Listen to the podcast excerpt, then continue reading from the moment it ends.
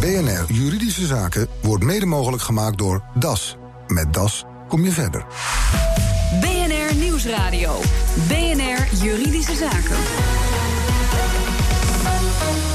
Ronald Olsthoorn. Goedemiddag, vandaag. Vandaag staan we in het teken van een heel belangrijk thema bij de verkiezingen dit jaar. Werk. En natuurlijk vooral hoe je dat juridisch met elkaar moet regelen. Meer vastwerk, minder flex, dat wilde minister Asje de afgelopen jaren. Daar is hij niet echt in geslaagd, al zal hij daar zelf vast anders over denken. Maar zijn we wel op de goede weg en is verandering überhaupt noodzakelijk? Of gaat het eigenlijk best wel goed?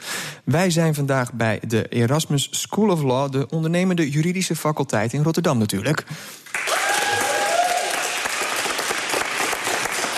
Met ontzettend veel studenten aanwezig. Ze zijn van harte welkom. Uh, straks praat ik verder met mijn gasten, maar eerst collega Nelleker van de Heijden. Uh, de wet werk en zekerheid, daar gaan we het ook over hebben. Hoe zat die ook alweer precies in elkaar? Hij is er iets minder slecht aan toe dan de wet DBA, die voor de ZZP'ers. Maar deze wet, met de grootste wijzigingen in het ontslagrecht sinds de oorlog, moest flex minder flex maken. Omdat het ontslag nou versoepeld zou worden, moest het aantrekkelijker worden om een vast contract aan te bieden. Nou, dat blijkt in de praktijk nog niet echt zo uit te pakken.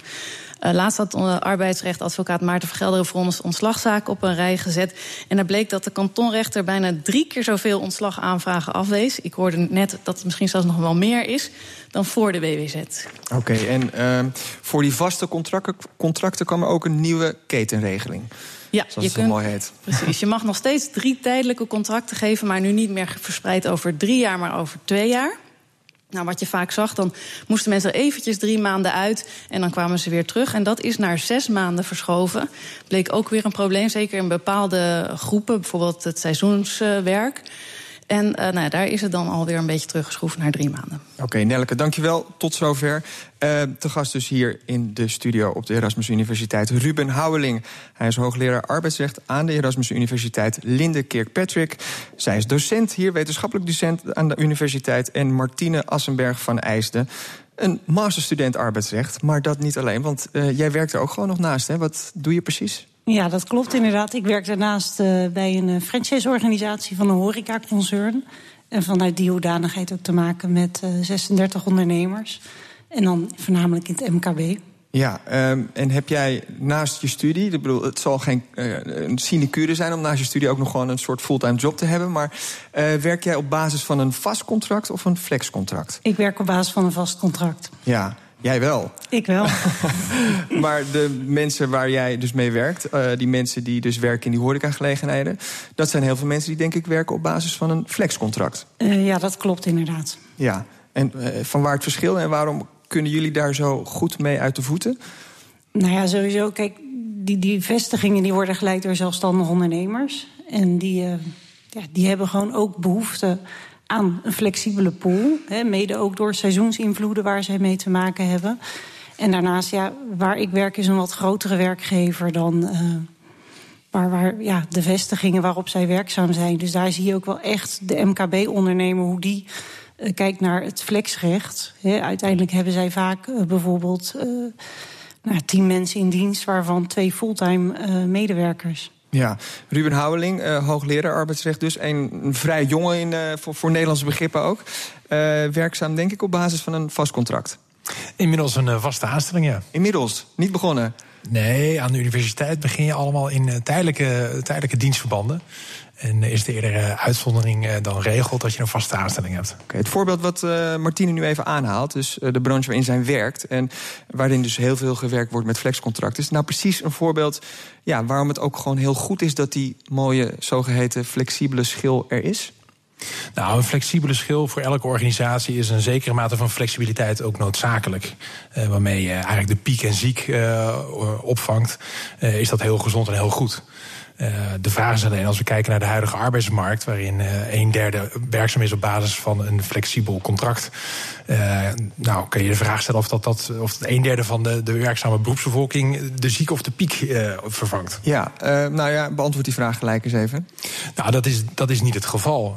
we zien de, de afgelopen jaren zien we een tendens waarin het vaste contract eigenlijk steeds meer een, een on, onneembare vesting lijkt te worden. En dat, dat ziet er goed uit als je aan de binnenkant van die, als je in die vestingen zit. maar als je aan de buitenkant staat, die zou er heel graag in willen, wordt dat steeds een, een, eigenlijk een, onmogelijke, een onmogelijk contract. En dat is toch wel zorgelijk. En de vraag is natuurlijk, waardoor komt dat? Uh, daar komen we straks denk ik op. Maar we zijn wel doorgeschoten dus, om dat nog eventjes uh, te concluderen. Ik denk dat we in het, uh, in het flexrecht in, in Nederland zijn doorgeschoten. Zowel ja. het flexrecht als tijdelijke contract waar we het nu over hebben... maar ook qua het aantal ZZP'ers. Linde, jij werkt hier ook op de universiteit. wetenschappelijk docent, weet heel veel van arbeidsrecht. En typisch genoeg, ja, je moet het wel met een flexcontract doen hier op de universiteit. Ja, dat is inderdaad het geval. En dat is soms ook best dubbel. Ja? ja. In, hoever, in hoeverre is dat dubbel? Ehm, ja, lastige vraag. Want zou jij, want we hoorden net uh, Ruben Houweling zeggen van ja, je hebt toch heel veel mensen die zitten aan die buitenkant en die willen naar binnen met zo'n vast contract. Is dat iets wat jij op termijn zou willen? Dat is wel iets wat ik op termijn zou willen. Ja, een vast contract is voor mij persoonlijk wel het, het uitgangspunt. En dat moet het ook zijn. Ja, tegelijkertijd weet ik ook hoe lastig het is om een vast contract te krijgen. Of een vaste aanstelling in dit geval. En waarom is dat zo lastig? Doen ze dat liever niet hier op de universiteit? Of, is het rendement denk hier ook doorgeslagen? Uh, uh, je mag hier vrijheid praten, hè? ook al staan we bij je werkgever. Maar... Hij kijkt me nu recht aan, inderdaad. Uh, nee, het, het, is het beleid dat je in principe dient te promoveren. Uh, wil je vast in dienst komen van de universiteit. Ja, ja. Maar uiteindelijk toch dat ideaal ook om uiteindelijk eh, een vast contract te krijgen. Ja. Uh, ga ik toch even terug naar jou, Ruben. jij zei net van ja, we zijn dus uiteindelijk toch doorgeschoten. De vraag is hoe dat komt. Nou ja, hoe komt dat? Uh, voor een deel komt het ook omdat we in de loop der jaren uh, een heel mooi systeem van arbeidsrechtelijke bescherming. Uh, en daar mogen denk ik trots op zijn, ook in Europa. We hebben iets heel moois neergezet met elkaar. Maar ik denk dat we het wel in de loop der jaren heel mooi hebben gemaakt. Waardoor het voor sommige werkgevers, en Martine zei het net al, van ja, met name het, MKB, en, die, die vindt het toch wel een heel duur contract geworden. En dat schrikt, dat schrikt dan af. En men is bang van als ik jou een vaste aanstelling geef of een vast contract en je wordt ziek, dan moet ik twee jaar lang loon doorbetalen. Of als je wat minder eh, gedreven wordt, zoals je destijds hier kwam werken. Ja, en uh, ik moet een keer voor afscheid van je nemen, dan kom ik niet meer van je af. Dat soort schrikbeelden zijn er. En dan zeg nou, dan kiezen we toch maar voor, uh, voor flexibiliteit en tijdelijke contracten. Maar is die angst terecht? Want je zou ook kunnen zeggen, kijk ook even naar jou, Martine, als je die mensen nu juist een vast contract geeft, dan, nou ja, dan zorg je ervoor dat ze zich natuurlijk verbonden voelen met het bedrijf. Dat ze zich vanzelf gaan ontwikkelen, dat ze hun beste beentje voorzetten. Is dat ook jouw ervaring in de praktijk? Uh, nou ja, helaas is dat niet altijd het geval. Uh, natuurlijk zit daar voor een deel wel waarheid in. Hè. Je gunt iemand echt een, een, vast contract. En ik denk dat heel veel ondernemers dat ook gewoon wel willen geven. Aan de andere kant, hè, als jij als, als kleine ondernemer twee uh, fulltime medewerkers in dienst hebt en eentje wordt er ziek.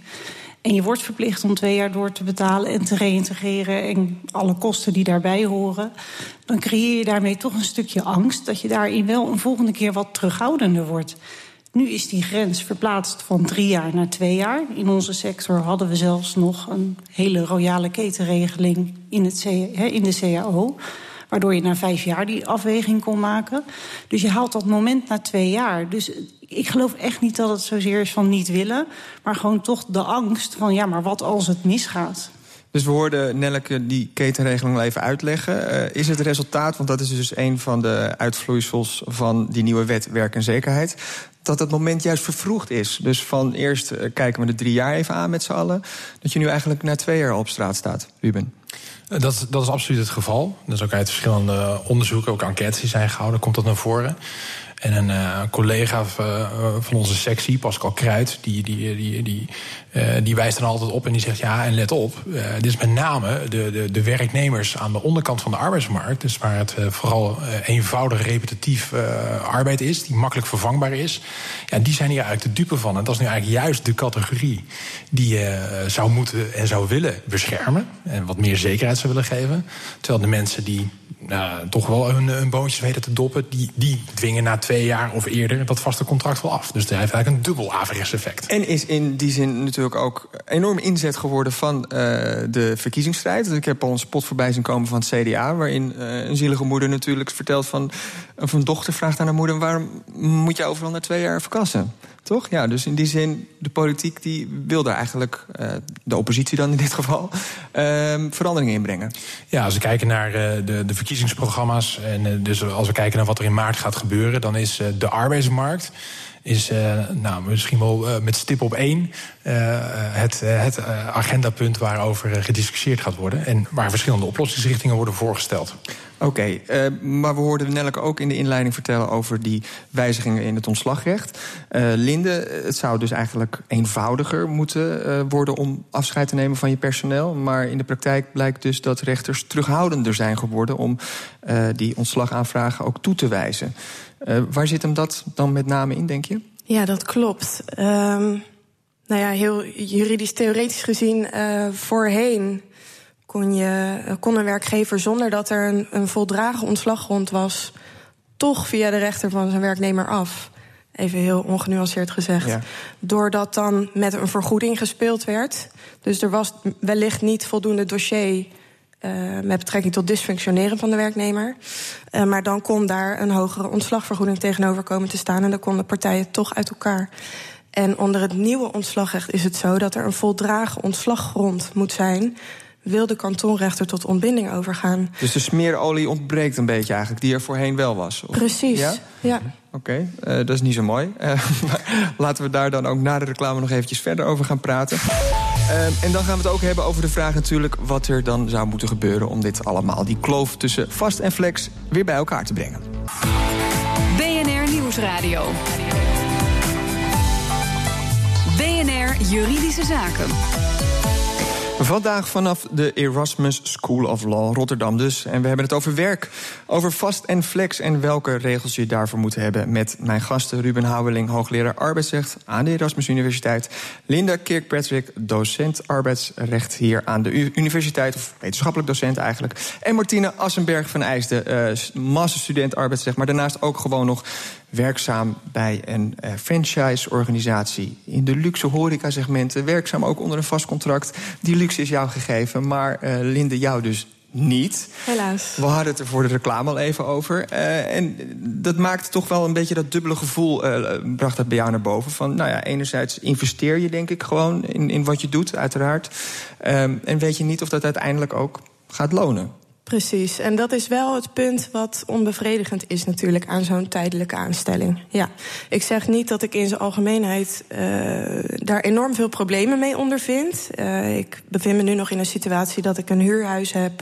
Ik heb geen kinderen, dus in die zin ook geen afhankelijkheid. Maar um, het is inderdaad onbevredigend dat je nou, je inzet voor je werk, um, bloed, zweet en tranen daarin steekt. En dat je niet weet of je daar over ja. één of twee jaar nog de vruchten van plukt. Niet zozeer financieel, maar wel inhoudelijk. En, en Ruben, we hadden het net een beetje over de verliezers van die uh, flexvaste beweging. En dat die dan met name uh, de verliezers te vinden zijn bij uh, werknemers die uh, wat minder geschoold zijn. Maar het geldt dus kennelijk toch ook wel voor de wat hoger gescholden. Nou, ook daar zie je, zie je absoluut bewegingen die sinds de WWZ alleen maar versterkt zijn door te vluchten in de flexibiliteit. Ik denk dat de onderwijssector sowieso een bijzondere sector is waar, uh, waar, waar heel veel nou, personeelskwesties ja, hoofdbrekens geven voor uh, onderwijsinstellingen als zodanig. Maar dit, dit, voorbeeld is natuurlijk dat je zegt... we hebben een hele goede wetenschappelijk docent. Waarom zou je die na twee of vier jaar inwisselen voor een nieuwe... ongetwijfeld ook goede wetenschappelijk docent... terwijl je gewoon kwaliteit in huis hebt? Dat is toch een beetje raar. En dat is denk ik ook wel terecht waar Asje, en laat het ook gezegd zijn... want we merken nu vooral op de, de, de, de negatieve effecten. Maar ik denk dat de inzet van Asscher, waarin hij zegt... jongens, dit moet toch een keer stoppen, dat dat heel goed is. Ja, is er ook nog iets positiefs te melden met die nieuwe wet werk en zekerheid? Het is natuurlijk in die zin revolutionair. Uh, sinds de oorlog niks meer gewijzigd aan het arbeidsrecht. En nu is er toch een nieuwe wet, die misschien nog niet helemaal werkt... maar er, is tenminste, er gebeurt tenminste iets. Ja, nou, ik, ik denk in ieder geval eh, dat hij, dat hij hardop de vraag stelt. En dus ook tot, tot politieke acties gekomen. Uh, op het punt van: jongens, vinden we niet dat de flexibiliteit wat is doorgeslagen? Ik denk dat dat heel goed is. En dat hij daarmee eigenlijk ook de, de discussie over de arbeidsmarkt aanzwengelt. Dat het ook heel goed is. Uh, het gekozen medicijn daarvoor, de WWZ, is denk ik echt een verkeerd medicijn voor een te, te snel een verkeerd gestelde diagnose. Okay. Martine, jij moet je scriptie nog schrijven. Niet bij Ruben, heb ik begrepen. Maar, nee, dat komt. Uh, deel jij uh, deze diagnose dan van uh, Ruben? Um, nou, gedeeltelijk. Um, kijk, flexibiliteit moet je ook niet in doorschieten. We hebben aan de ene kant wel een, een maatschappij gecreëerd waarin dat wel heel normaal is uh, bevonden. Uh, aan de andere kant worden gewoon de consequenties van. Hè, als je wel naar die vastigheid gaat, die worden volledig bij de werkgevers neergelegd. En daar wringt het hem, denk ik, vooral. Uh, hoe zouden we het dan moeten oplossen? Want uh, laten we, er zijn al een aantal aspecten zijn er naar voren gekomen. Dat ontslagrecht, dat moest dus eenvoudiger worden. Maar we hoorden uh, Lindert voor de reclame al uitleggen... het is eigenlijk wat moeilijker geworden met die gronden... want die zijn wel best wel rigide. Uh, en rechters kunnen bovendien niet meer bijsturen met een, uh, met een vergoeding. Al is er natuurlijk wel nog iets als een billijke vergoeding. Mm -hmm. Maar goed, we gaan het nu eventjes construeren... zoals we het graag zouden willen hebben in een ideale wereld. Het ontslagrecht, hoe moet dat eruit gaan zien? Nou, als de vraag is hoe, hoe dichten we al dan niet via het ontslagrecht de kloof tussen, tussen, tussen flex en, uh, en vast. Uh, ook wel misschien de insiders die dat vaste contract hebben en de outsiders. Dus dan heb je niet alleen flexcontracten, maar ook uh, de ZZP'ers daaronder onder geschaard. Als je die vraag stelt, hoe, hoe dichten we die kloof... dan kan je denk ik drie, drie wegen bewandelen. Eén is, je zegt, nou, we maken dat verschil minder groot tussen, tussen, flex en vast. En dat kan je doen door uh, het vaste contract wat flexibeler te maken. Nou, dan zal een deel van, uh, uh, van Nederland zeggen... ja, dan is het een race to the bottom. Dus je gaat juist eigenlijk die bescherming ga je opgeven... voor iets wat je, wat je eigenlijk niet wilde. Uh, de andere methode zou kunnen zijn door te zeggen... nou, we maken dat, dat, dat flexcontract wat, wat vaster. En dat is een voorstel onder andere door CDA gedaan... nu in de verkiezingsstrijd door te zeggen, na een, een, korte periode van tijdelijke contracten, dat kan een half jaar of een jaar zijn, dan mag je daarna meer tijdelijke contracten, misschien wel onbeperkt, maar die tijdelijke contracten zelf moeten wel een veel langere duur in zich hebben. Zodat je niet steeds een, van, van, die, van die drie maanden contractjes of een half jaar contract, maar dat je dan zegt, nee, na een jaar, als je dan flexibel verder wil, dan moet je iemand wel drie jaar zekerheid geven, bijvoorbeeld. En dat kan vier of vijf jaar zijn.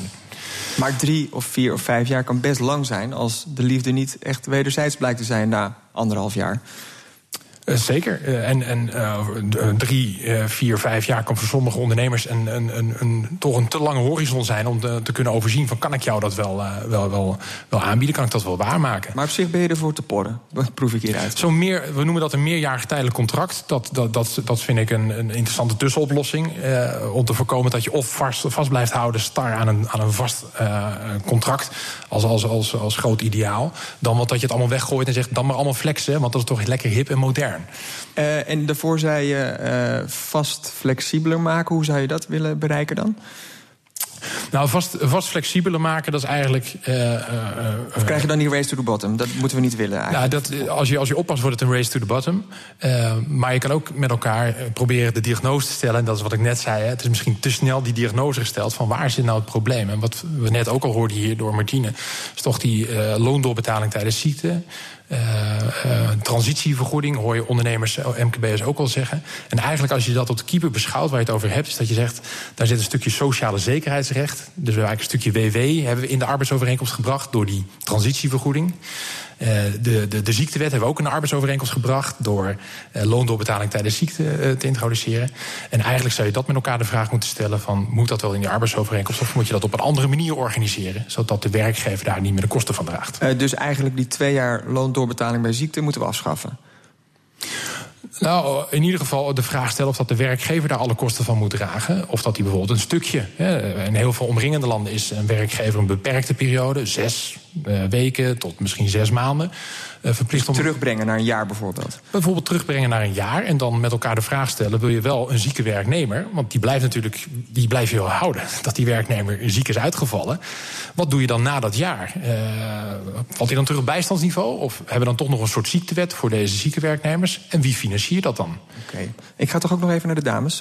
Is dit een geluid wat jullie graag horen? Nou, ik vind de laatste gedachte op zich wel uh, interessant. Want op het moment, want ik zei vooral, kijk, die, hele grote werkgever, die, die zal wellicht uh, minder voelen van als een van zijn werknemers ziek is. Maar uh, de bakker op de hoek die twee man personeel heeft en één zieke, die heeft wel echt aan alle kanten een probleem. En op het moment dat, dat die kleine zelfstandige moet opdragen twee jaar voor de loondoorbetaling bij ziekte, dat, dat hakt er gewoon fors in. Plus nog het feit dat je heel veel reïntegratieverplichtingen hebt, kosten erbij, risico, beloonsanctie van het UWV.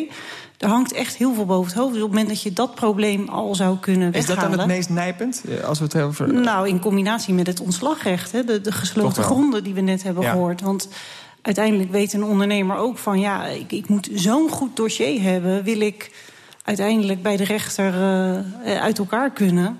Ja. Linda, aan jou het laatste woord. Ja, ik zie knikken. ja. ja, ik kan me die werkgeversbelangen heel goed voorstellen. Ja. Ondanks dat ik natuurlijk in de uh, positie zit van flexwerker... kan ik me heel goed voorstellen dat twee jaar lang doorbetalen bij ziekte... voor bepaalde ondernemers uh, echt heel problematisch kan zijn. En, en, Ruben, tot slot dan toch nog even. Uh, ja, ik kan van een hoogleraar natuurlijk geen stemadvies verwachten... maar wat we nu allemaal een beetje besproken hebben... zien we dat ook terug uh, bij die politieke partijen in hun partijprogramma's voor eh, de verkiezingen straks in maart? Ja, eigenlijk als je de verkiezingsprogramma's op een rijtje zet, dan, dan, dan, dan, dan zeggen ze allemaal op, deze, op dit punt, op het punt van, van arbeid, dan zeggen ze, zijn ze daar unaniem over, op één partij na. De wet werkenzekerheid heeft gefaald.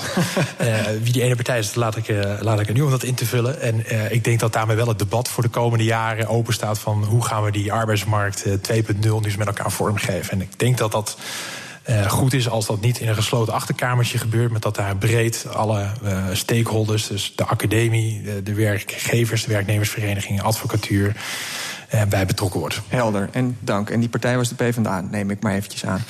Um, u hoorde als laatste Ruben Houweling, hoogleraar arbeidsrecht. Uh, Linde Kirkpatrick was hier ook. En Martine Assenberg van Eijsten, respectievelijk docent en student hier aan de Erasmus Universiteit. BNR Nieuwsradio. Juridische Zaken. Ronald Olsthoorn.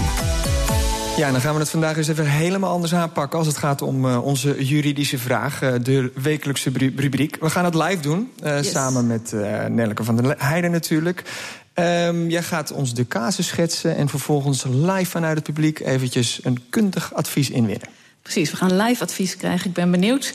Uh, de luisteraar Erik die had een, heeft een klein ICT-bedrijfje en heeft hij een paar developers in dienst. En met één daarvan gaat het eigenlijk steeds minder goed. Die is echt slecht aan het functioneren, maar het ging heel geleidelijk. Dus hij heeft niet meteen een dossier opgebouwd over deze programmeur. En nou is de situatie inmiddels echt slecht geworden. Ze kunnen niet meer echt goed samen. Maar hij is bang dat hij niet genoeg opgebouwd heeft om echt een dossier naar de rechter te brengen en zo het ontslag te regelen. En hij vraagt zich af, ja, hoe moet hij het nou aanpakken? En daar hebben we hier Bas Krijgsman, student arbeidsrecht bij de Erasmus School of Law. Goedemiddag. Wat moet hij doen? Um, nou, dit is een hele nare situatie voor kleine bedrijven. Um, Linde zei eerder in de uitzending inderdaad dat je met een onverdragen dossier bij de kantonrechter niet kan ontbinden. Um, dan zijn er twee opties mogelijk in principe. En het begint altijd met een goed gesprek met de werknemer. Dus je roept hem op kantoor en je zegt: luister, ik ben voornemens om een dossier op te gaan bouwen. En dan ga ik binnen zes maanden naar de kantonrechter. En dan sta je in principe op straat.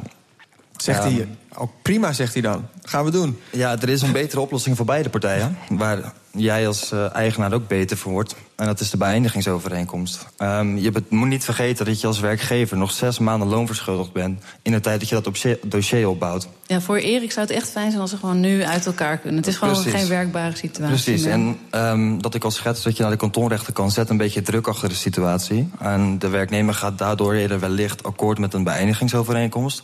Dan kan je gewoon zeggen, luister, um, dit is geen fijne situatie meer waar we ons in bevinden. Ik ben bereid om drie maanden loon bovenop de transitievergoeding te doen. Dan gaan we samen goed uit elkaar. Uh, en voor de werknemer is het ook fijner op zijn cv'tje. Als erop staat dat je uit elkaar gaat in ja, plaats precies. van Dus als hij echt snel afscheid wil nemen... moet hij echt wel met hem in gesprek gaan. Dat is je moet altijd in gesprek gaan, ja. In deze situatie is de beëindigingsovereenkomst absoluut de goede optie. En die drie maanden is dan ook wel redelijk om dat mee te geven? Dat is wat de werkgever zelf wil. Uh, je kan zeggen één maand, twee, drie. Als je dat graag vanaf wil, vier. Maar er staat tegenover dat je anders zes maanden moet wachten. Ja, precies. En bij de rechter zou je ook waarschijnlijk met een billijke precies. vergoeding zoiets nou, De billijke vergoeding is denk ik niet aan de orde, maar je zit wel met proceskosten misschien. Dus de goedkoopste optie is, is inderdaad de beëindigingsovereenkomst. En kijken wat die uh, werknemer kijken of die erop waar ingaat, die ja. akkoord mee Ja. gaat. En anders toch dat dossier. Anders toch het dossier opbouwen, ja. Oké, dankjewel. Alsjeblieft. Ik zeg een geslaagd experiment, die live juridische vraag. Dat gaan we vaker doen hier. Dankjewel Bas, dankjewel. Nelleke. En eh, jullie natuurlijk allemaal bedankt voor jullie aanwezigheid. Ehm, al heeft u zelf een juridische vraag, mail hem vooral naar ons. Het adres is juridischezaken.bnr.nl. Deze show is nog terug te luisteren via bnr.nl slash juridische zaken. Mijn naam is Ronald Olstoorn. Tot de volgende zitting. BNR Juridische Zaken wordt mede mogelijk gemaakt door DAS. Met DAS kom je verder.